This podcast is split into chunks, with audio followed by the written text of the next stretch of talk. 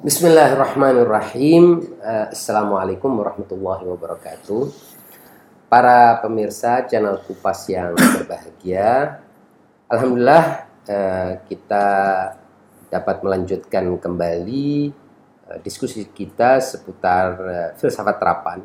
Nah, Alhamdulillah kita juga saya telah ditemani oleh Dr. Ammar Fauzi, seorang pakar dan dosen di bidang filsafat telah melahirkan banyak karya.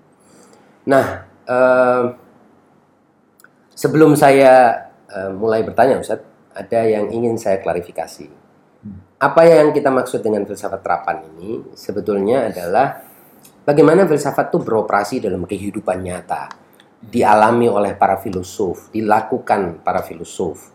Uh, jadi kita akan menjauhi wilayah-wilayah uh, historis, ya, tek, hmm. terminologis, teknis dan lain sebagainya yang kemungkinan bagi uh, khalayak pada umumnya atau berminat cuman mengenali filsafat dari sisi-sisi yang apa ya sisi-sisi praktisnya tidak akan terlalu relevan. Nah, ini kita ingin arahkan filsafat ini atau diskusi kita ini kepada hal-hal yang semua orang bisa memanfaatkan filsafat. Nah, pada kajian sebelumnya atau episode sebelumnya kita sudah berbicara menjelaskan tentang bagaimana eh, Socrates menjelaskan tentang bagaimana seorang filosof itu eh, dan kita menemukan bahwa di antara prinsip filsafat ya itu adalah um, menghilangkan klaim pengetahuan tentang sesuatu. Jadi uh, menghadirkan ketidaktahuan sebagai uh, cara untuk terus uh, mencari dan menggali dan mengalami.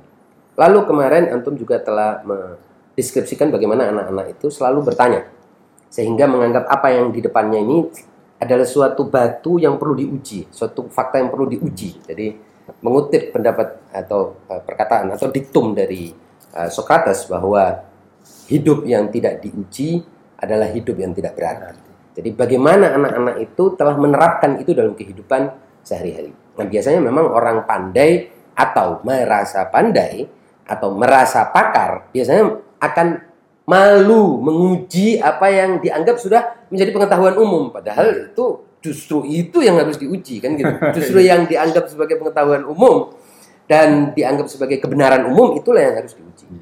Nah terus anak-anak ini juga punya kelebihan lain kalau menurut saya karakter lain dari anak-anak itu. Bukan hanya menguji dengan pertanyaan mereka juga biasanya mencoba. Oleh sebab itu anak-anak itu ya kalau ada api ya dicoba dulu panas enggak semua hal-hal berbahaya dia uh, apa jalani, dia alami, dia lakukan. Mengingatkan saya pada uh, kaidah dari seorang pastinya Imam Ali bin Abi Thalib ini adalah filosof, salah satu filosof terbesar lah dalam kehidupan manusia yang mengatakan bahwa idza khifta atau idza hibta syai'an faqa. Kalau engkau takut sesuatu, cobalah. Telusuri, alami ketakutanmu.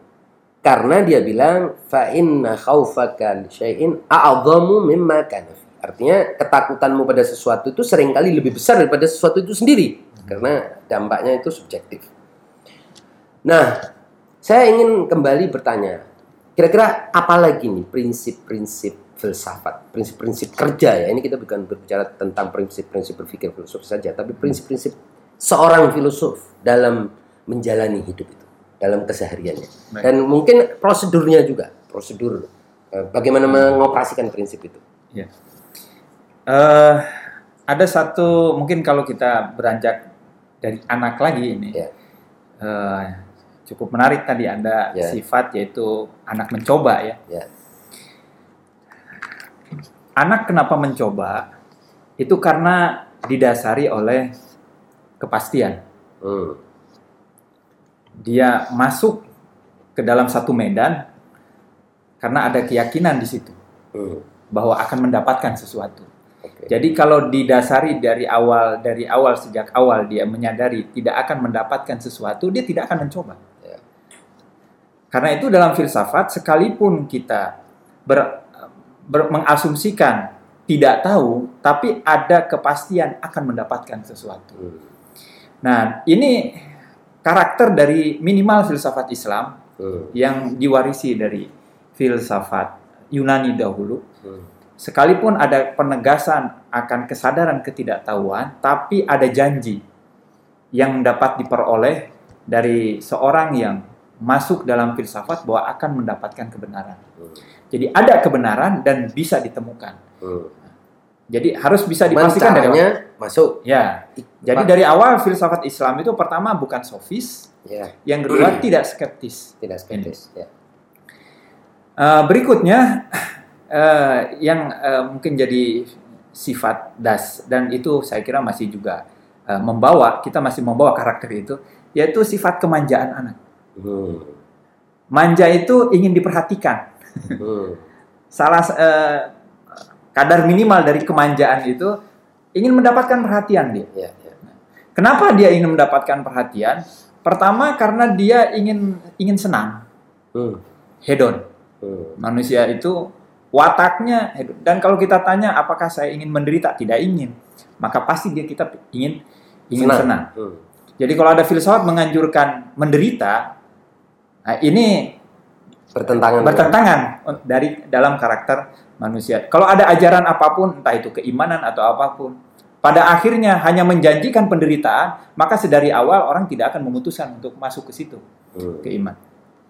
Ini eh, contoh aja dari dari dia ingin diperhatikan supaya yang lain juga tunduk kepada dia. Karena kita kan suka harus ikut anak. Hmm. Pada diri anak itu ada semacam otoritarianisme. Hmm. Dia ingin dijadikan raja. Hmm. Jadi bukan hanya karena dia ingin bebas, tidak ingin di- dibatasi, dia ingin jadi raja, ingin menguasai yang lain. Dan itu karakter manusia. Jadi bagaimana filsafat ini? Bayang dari dari sekarang kan bau-baunya sudah sudah nyangkut-nyangkut politik, ada kekuasaan. Karena pada diri anak begitulah tertanam. Kalau kita simpulkan semuanya, ini anak ini sebenarnya perwakilan dari Tuhan. Sifat-sifat itu ada, gitu. Dulu misalnya dalam satu hadis kita mm, membaca kuntu kanzan makhfiyan fa ahbabtu an u'raf. Dulu aku khazanah terpendam, lalu aku ingin dikenal, Ya. ingin ingin diperhatikan, Ya, ingin betul. diketahui. Hmm. Jadi ingin populer. Hmm. Nah, demikianlah kurang lebih lalu berikutnya Tuhan sebagai tuan, maka Hmm. anak juga sebagai sebagai tuan. Saya kira tidak akan masuk ke sana tapi Ustadz mungkin terkait dengan eh, prosedur Hmm. bagaimana eh, kita berfilsafat, Ya. eh, kita kembali ke anak. Anak itu yang paling awal kali dia bertanya itu kata apakah? Ya. Apakah? Dan ini mungkin yang menjadi alasan kita tidak lagi bertanya tentang apakah, padahal itu yang paling mendasar. Hmm. Kalau kita di ruang publik atau di diskusi di depan kamera, entah di mana lah di media, Hmm. kalau kita tanya tentang apakah, rasa-rasanya itu terlalu elementer atau terlalu, padahal itu yang rendah, remeh ya. remeh gitu. Padahal itu yang paling mendasar. Ya. Kadang-kadang perdebatan kita hari-hari ini karena kita malas bertanya tentang apakah atau Ya. kita tidak terbuka untuk menyerap orang mendefinisikan satu kata apa yang dia maksudkan. Kita langsung aja melompat men- memberikan penilaian. Padahal pertanyaan apakah belum tuntas. Jadi dan di ini dalam tradisi filsafat Islam itu sudah di, diberi batasan kita. Bagaimana cara bertanya yang baik? Itu ada tiga perangkat. Perangkat dalam satu syair eh, eh, syair logika hmm. disebutkan Sabzawari, oleh. Sabzawari ya. Usul matalibi salah satu olim matlabuma matlabuhal matlabulim. Ya. Eh, pokok masalah itu ada tiga. Hmm. Satu, pertanyaan apakah, lalu pertanyaan adakah, ketiga pertanyaan mengapa. Mengapa? Kita selalunya melompat langsung mengapa, Hmm. tapi apakah, lalu adakah kita tidak tidak bertanya. Ya. Nah, anak mengajarkan kepada kita, coba kita kembali seperti anak itu, yaitu bertanya tentang apakah. Hmm. Pernah nggak kita bertanya tentang apakah aku? Hmm. Itu penting, saya kira. Apa hidup ini? Hmm. Apa kepentinganku? Hmm. tentang masa depan. Apa yang aku harapkan? Ya. Ini saya kira pertanyaan-pertanyaan mendasar yang perlu kita pecahkan Ustaz untuk juga secara aplikatif ya terapannya di berbagai persoalan di hadapan kita bisa kita uji dengan pertanyaan apakah. Jadi Hmm. filsafat pertama-tama yaitu seni bertanya apakah. Hmm. Sangat menarik, Ustaz. Jadi kalau boleh saya eh, simpulkan, Ustaz. Ya. Jadi prinsip filsafat itu adalah bertanya sesuai urutan apakah, adakah, baru mengapa. Jadi kalau orang misalnya nih sekarang kan sekarang yang lagi heboh itu kan bicara tentang politik. Politik itu ada negara, ada bangsa, ada ideologi. Ini orang sudah sudah tahu belum ini apa sih negara, apa sih bangsa, apa sih ideologi, apa sih rakyat, apa dulu lah. Iya. Jangan mengapa bangsa kita tidak maju. Eh tunggu dulu, mundur dulu deh ke masalah apa sih bangsa itu? Jangan-jangan nggak tahu apa sih negara itu. Nah, jadi mungkin itu. Barangkali juga bukan memilih siapa pemimpin kita, tapi apa sih pemimpin, pemimpin, itu? betul. Nah, jadi ada banyak hal yang ternyata eh, ketika kita mundur ke belakang dan menyadari kita belum tahu itu, ternyata terbongkar kepalsuan pengetahuan kita dan orang yang di sekeliling kita, Ustaz. Karena kita tahu Ustaz bahwa seorang yang hidup di mana pun di dunia ini dalam sebuah lingkungan sosial yang terjadi adalah kalau dia tidak punya independensi, kemerdekaan dan kebebasan, maka dia akan dicekoki oleh berbagai konsep yang bukan pilihan dia. Konsep itu bahkan bukan hanya tidak dia pahami, tetapi bukan pilihan dia tiba-tiba di kalau istilah bahasa Jawanya digerojokin konsep-konsep dan dipaksa orang itu untuk memahami. Kalaupun bertanya tentang apa itu, maka dituduh macam-macam dan diancam dan di, eh, di apa intimidasi dan lain sebagainya. Nah, dari sini Ustaz, pertanyaan selanjutnya adalah dalam eh, mengajukan pertanyaan sesuai urut-urutan tadi, kita akan menemukan apa? Kalau kita bertanya adakah, Iya. jawabannya apa? Nah, Adakah jawabannya apa dan Iya. mengapa jawabannya apa? Gitu kira. Nah, eh, pertama mungkin harus kita identifikasi kendala-kendala Hmm.